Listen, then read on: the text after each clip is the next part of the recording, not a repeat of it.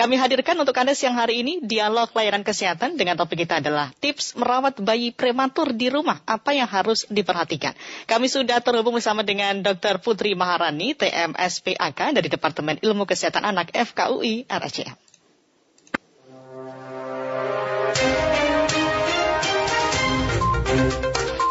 Selamat siang Dr. Putri. Halo Dr. Putri. Saya kedengar. Oke, baik. Salam sehat Dokter Putri ya. Salam sehat. Dokter, topik kita siang hari ini adalah terkait dengan tips untuk merawat bayi prematur. Nah, sebelumnya kita juga undang untuk nanti pendengar bisa bergabung bersama dengan kami dalam dialog layanan kesehatan ya dokter ya. 021 352 3172, 021 384 4545, 021 386 6712. Untuk WA kami pendengar 081 399 399 888. Baik, dokter Putri, ini kan memang uh, bayi prematur itu adalah bayi yang lahirnya itu sekitar uh, 37 minggu kalau tidak salah ya, uh, dokter ya. Ini beda sekali tentu nanti untuk perawatannya ketika bayi yang lahir uh, cukup bulan begitu. Nah, apa yang perlu dilakukan di rumah untuk merawat bayi prematur ini, dokter Putri? Oke, terima kasih ya. Uh, sebelumnya uh, saya uh, uh, koreksi sedikit. Jadi kalau bayi prematur itu bayi yang lahir sebelum dia kehamilannya 37 minggu. Oh, sebelum ya. Oke, okay, baik. Sebelum sebelum hmm. di bawah 70 37 minggu. Hmm. Nah, yang akan saya bahas adalah bayi prematur yang memang layak untuk dirawat di rumah okay. atau memang dia sudah boleh pulang perawatan dari dokternya. Hmm. Nah, yang pertama adalah uh, yang mana sih bayi prematur yang uh, bisa di rumah gitu ya. Jadi ini saya membahas yang pulang rawat ya. ya. Yang pulang rawat itu berarti yang pertama dia itu harus sudah bisa mempertahankan suhu tubuhnya sendiri. Hmm. Oke, okay. yang kedua adalah dia sudah cakap, sudah bisa untuk minum tanpa bantuan, misalnya tanpa bantuan uh, selang minum. Okay. Bila tidak ada kondisi-kondisi hmm. lain uh, perlu pengawasan. Yang ketiga adalah dia sudah bisa menjaga suhu tubuhnya supaya tidak kedinginan. Hmm. Nah, tips-tipsnya bagaimana? Yang pertama, yang paling penting adalah uh, para uh, orang tua yang memiliki anak prematur harus tahu dulu nih kapan jadwal kontrol untuk ke dokter. Okay. Kenapa penting? Karena saat kontrol ke dokter tersebut akan dilihat bagaimana pertumbuhan dan perkembangan dari bayi prematur. Nah, kenapa itu penting? Karena kita tahu dalam dua tahun pertama kehidupan otak tersebut harus sudah uh, sudah mencapai 83 persen ya. Jadi artinya harus sudah mendapatkan pertumbuhan yang optimal hmm. sehingga uh, mempunyai perkembangan yang optimal untuk anak-anak prematur tersebut. Mungkin saya buka dengan demikian dulu kali ya Mbak. Oke baik dokter. Dokter ini kan ya. kalau tadi kan disampaikan uh, untuk bayi yang pulang rawat begitu artinya memang uh, kondisinya sudah cukup baik untuk uh, boleh diper, diperbolehkan untuk pulang dirawat di rumah begitu. Mungkin terkait dengan asupan yang perlu diberikan kepada si bayi atau mungkin juga cara gendongnya pun apakah berbeda juga ya dok ya dengan okay. bayi yang biasa? Ya, ya, ya, betul. Sebenarnya uh, untuk asupannya uh, jadi uh, tergantung pada kondisi bayi tersebut. Nah, tahunya asupannya itu cukup atau tidak harus dipantau menggunakan kurva pertumbuhan. Okay. Nah, untuk pertumbuhan bayi prematur ada kurvanya tersendiri. Mm -hmm. Sampai dipakai bila bayi tersebut sudah menjadi bayi cukup bulan. Oke, okay. ini kalau kita biasanya perlu check up atau dalam artian untuk ya, cek ya. kesehatan, kontrol kesehatan atau perkembangan dari si bayi ini itu uh, misalkan berapa minggu sekali atau berapa bulan oh. sekali begitu, dok? Ya, betul. Idealnya untuk di awal-awal biasanya itu adalah sebulan sekali. Sebulan sekali, oke. Okay. Ya, karena di dalam sebulan sekali itu di awal kehidupan ya. Hmm. Karena di situ nanti akan dilengkapi juga jadwal imunisasinya okay. ya. Nah, kemudian pemantauan itu kita akan lihat dalam per bulan kecuali kalau anak tersebut dalam pemantauannya ternyata kurvanya masih belum bagus ini, jadi kurvanya masih melandai ya. Okay. Nah itu mungkin kontrolnya bisa lebih cepat. Lebih lagi. cepat lagi, lebih sering lagi juga begitu ya dokter ya? Iya tergantung kebutuhan. Tergantung kebutuhan. Okay. Sekalian melengkapi screening-screening yang dibutuhkan oleh hmm. bayi prematur. Oke, okay. baik dokter ada pendengar kita Pak Amri di Sulawesi Utara. Pak Amri, selamat siang. Selamat siang Mbak Arka dan selamat siang Ibu Dokter. Halo. Iya, silakan Halo, Pak Amri. Iya, sudah jelas.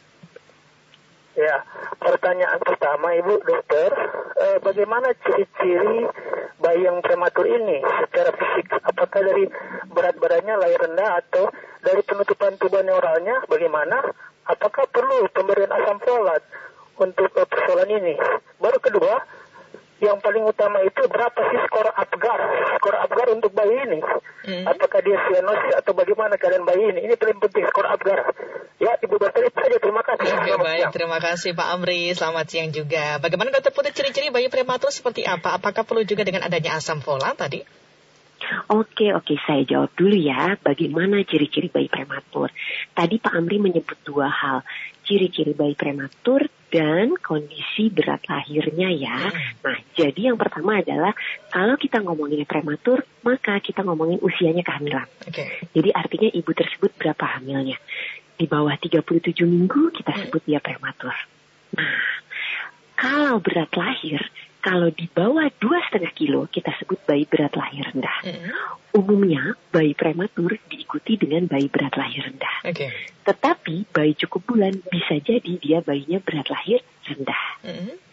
Nah, uh, jadi bisa ya misalnya dia lahirnya 38 minggu tapi berat lahirnya cuma 2,4 kilo. Okay. Itu bisa terjadi, tapi itu bukan bayi prematur.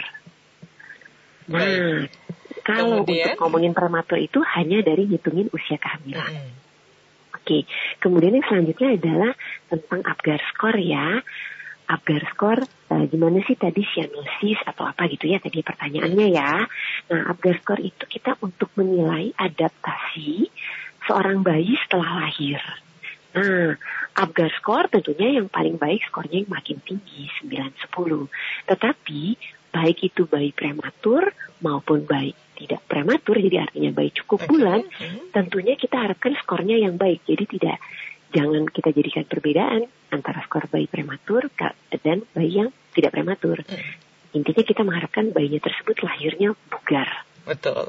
Kemudian tadi juga sempat disinggung terkait dengan asam folat. Itu bagaimana iya, dokter? Iya, Ya, ya. Ini mungkin maksudnya untuk asupan ibunya ya. Oh, waktu begitu. Hamil apa gimana? Intinya adalah kalau asupan untuk bayinya, hmm. maka kita butuh asupan makronutrien ya karbohidrat, protein lemak okay. dan juga mikronutrien segala macam itu termasuk salah satunya uh, ada asam folat yang itu juga bisa didapatkan dari sumber-sumber uh, makanan uh, yang dimakan sehari-hari oleh bayi tersebut. Baik.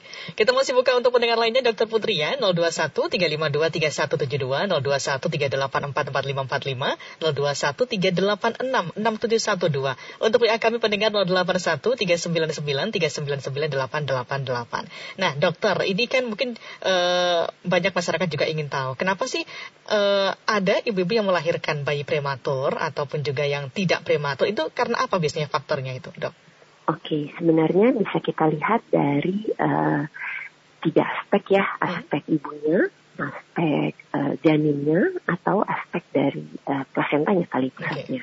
Jadi ada masalah di mananya? Ibunya kah? Mm-hmm. Ada masalah di plasentanya kah? Atau ada masalah jadinya?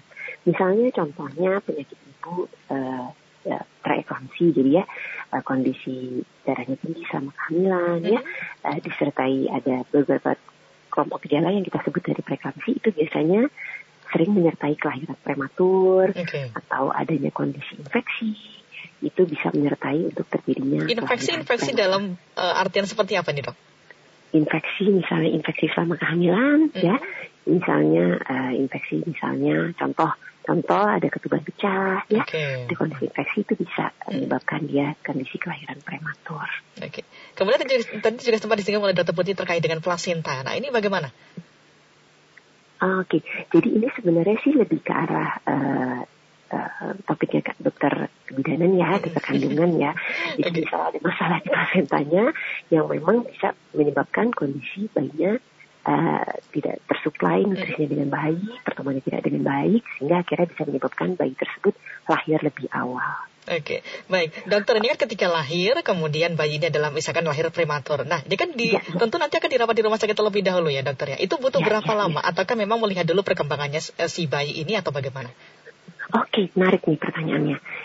Kembali lagi tergantung dari beratnya bayi tersebut. Jadi artinya adalah makin mudanya seorang bayi, Jadi makin muda nih antara bayi yang lahir sebelum 37 minggu, sebelum okay. 32 minggu, sebelum 28 minggu. Jadi yang ekstrim prematur itu sebelum 28 minggu. Hmm. Kalau uh, prematur uh, akhir itu adalah di bawah 37 minggu, itu makin kompleksitasnya tuh makin berat yang di bawah 28 minggu. Okay. Artinya dia makin lama sekali dirawatnya. Hmm. Karena kita harus lihat adaptasinya dia nafas, hmm. dia nggak boleh lupa nafas lagi, ya. Hmm. Terus dia harus bisa mempertahankan suhunya. Terkait mempertahankan suhunya, mungkin uh, beberapa kali pernah mendengar tentang perawatan metode kangguru ya. Oh iya betul. Iya betul ya perawatan metode kangguru. Hampir sama seperti itu ya dok ya? Apa tuh? Terkait uh, dengan tadi perawatan kangguru tadi. Perawatan metode kangguru salah satu yang bisa untuk dipakai saat kita merawat bayi prematur untuk mempertahankan suhu lebih stabil, biar supaya berat badan bayinya kenaikannya lebih stabil, denyut jantungnya lebih stabil, bayinya lebih aman mm-hmm. dan lebih nyaman serta ibunya biasanya akan jadi lebih pede. Oke okay, baik. Kita ke pendengar lagi Dokter Putri ada Bu Dinda di Bogor. Bu Dinda, selamat siang. Selamat siang Mbak Aska. Oke, okay, silakan Bu Dinda. Iya, selamat siang dokter. Selamat siang. Eh, salam sehat dokter Mbak Aska dan Iya, salam sehat juga Bu Dinda. Ya. Uh, dok, uh, bayi pre, bayi prematur ya dok ya. Mm Apakah betul uh, kalau dulu-dulu nih hmm, uh, kalau ibu hamil jangan mengkonsumsi obat yang bukan uh, rekom dari dokter. Seandainya ibu hamil ini sedang sakit, itu akan uh, bayinya akan prematur. Apakah itu betul dokter? Terima kasih. Oke okay, baik, terima kasih Bu Dinda. Bagaimana Dokter Putri? Oh. Ya, ya, ya, ya. Betul. Oke, terima kasih atas pertanyaannya Ibu Dinda.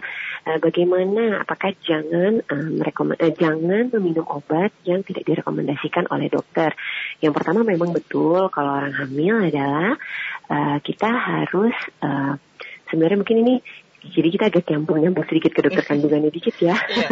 ya, jadi yang pertama adalah uh, selama hamil sebaiknya kan dipantau oleh dokter kandungan atau misalnya yang kontrolnya ke bidan dipantau oleh bidan. Nah, untuk terkait obat-obatan memang harus didiskusikan kepada uh, tenaga kesehatan tersebut dan apakah langsung mencetuskan kelahiran prematur maka uh, belum selalu berkoler, uh, belum selalu berhubungan langsung karena penyebab kelahiran prematur itu banyak sekali. Tapi memang betul kalau minum obat ya, ya. harus berkonsultasi uh, dahulu. Ke dokter dulu ya. Ke dokternya. Iya betul. Baik kita kembali ke pendengar lagi. Ada Bu Murtini di Sleman. Bu Murtini selamat siang. dokter, Assalamualaikum. Waalaikumsalam warahmatullahi wabarakatuh. Silakan, Bu Murtini. Uh, begini dokter, kalau di daerah saya ya banyak berkembang rumor itu benar apa tidak ya? Uh, kalau anak lahir prematur itu katanya cerdas, itu yang pertama. Yang hmm. kedua, kalau orang hamil itu kalau makan nanas katanya bisa keguguran gitu dokter. Terima kasih. Oke baik, terima kasih. Waalaikumsalam Bu Martini. Gimana dokter? Tapi memang banyak sekali masyarakat yang masih berpikir apakah nanas ini memang betul-betul bisa menggugurkan? Karena kan panas ya kalau kita katanya makan banyak-banyak di perut kita begitu ya. Bagaimana dokter Putri? Ya oke. Okay. Yang pertama untuk jawaban uh, anak prematur apakah lebih cerdas hmm. atau tidak ya. Um, uh, untuk anak seorang anak itu menjadi cerdas, dia membutuhkan dua hal. Yang pertama nutrisinya Oke, harus asupan bagus. Ya. Hmm. ya, yang kedua stimulasinya harus bagus. Jadi hmm. itu dua hal yang terpenting. Jadi uh, apakah anak prematur atau anak cukup bulan uh, lebih pintar yang prematur uh, belum belum pernah dikatakan demikian, hmm. tapi mungkin karena misalnya nih ibu-ibu atau bapak-bapak punya anak yang prematur, pasti pengennya anaknya, uh, aduh kan lahirnya lebih awal nih ya. Yeah. Saya pengen dong anak saya sama seperti anak yang lain. Mungkin mereka akan jadi lebih giat gitu. Kayak mm-hmm. harus sudah bisa ini, harus sudah bisa ini, harus sudah bisa ini gitu. Jadi melatih ini, melatih itu mungkin jadi uh, terkesan bahwa anak uh, prematur lebih pintar atau demikian gitu. Tapi enggak sebenarnya basicnya adalah sama. Yang penting nutrisi sama stimulasi yang Stimulasinya, ya? kuat. Okay. Uh, uh, nah untuk pertanyaan yang nanas ini ya, yeah. kayaknya mitos ya itu ya. Karena soalnya uh, saya nggak tahu ya kalau misalnya yang secara langsung dia akan bisa menyebabkan kontraksi atau kelahiran dari persalinan ya. Tapi rasanya sih kalau ini sih kayaknya enggak ya. Mungkin nanti bisa didiskusikan juga. Tapi ini memang sebenarnya ada, adakah riset khusus begitu sudah pernah ada, dokter? Uh, saya terus terang saya belum membaca, jadi saya kurang tahu karena soal itu mungkin lebih banyak untuk di ranahnya dokter kandungan ya. Oke, okay. baik dokter Putih uh, terakhir mungkin apa yang ingin disampaikan kepada ibu-ibu di rumah yang punya bayi prematur, apa yang perlu dilakukan sekali lagi? Oke, okay, sip. Jadi apa yang perlu diperhatikan oleh ibu-ibu yang mempunyai bayi prematur? Ingat harus dipantau pertumbuhannya itu yang paling penting banget hmm. karena kita harus mengejar semuanya dalam dua tahun pertama jadi harus kita kejar uh, pertumbuhannya dengan baik supaya perkembangannya akan jadi optimal kemudian uh, untuk bayi prematur selanjutnya sesuai dengan indikasinya silahkan tanyakan ke tenaga kesehatannya untuk melengkapi screening-screening apa saja yang diperlukan untuk bayi prematur. Baik, terima kasih Dr. Putri sudah berbincang dengan Pro 3 di siang hari ini. Semoga nanti bisa sedikit ya memberikan uh, wawasan kepada ibu-ibu yang punya bayi prematur di rumah begitu ya. Terima kasih ya. Bu Dr. Putri. Selamat siang, salam sehat juga dokter ya. Selamat siang. Dr. Putri Maharani, TM SPAK dari Departemen Ilmu Kesehatan Anak FKUI RSCM.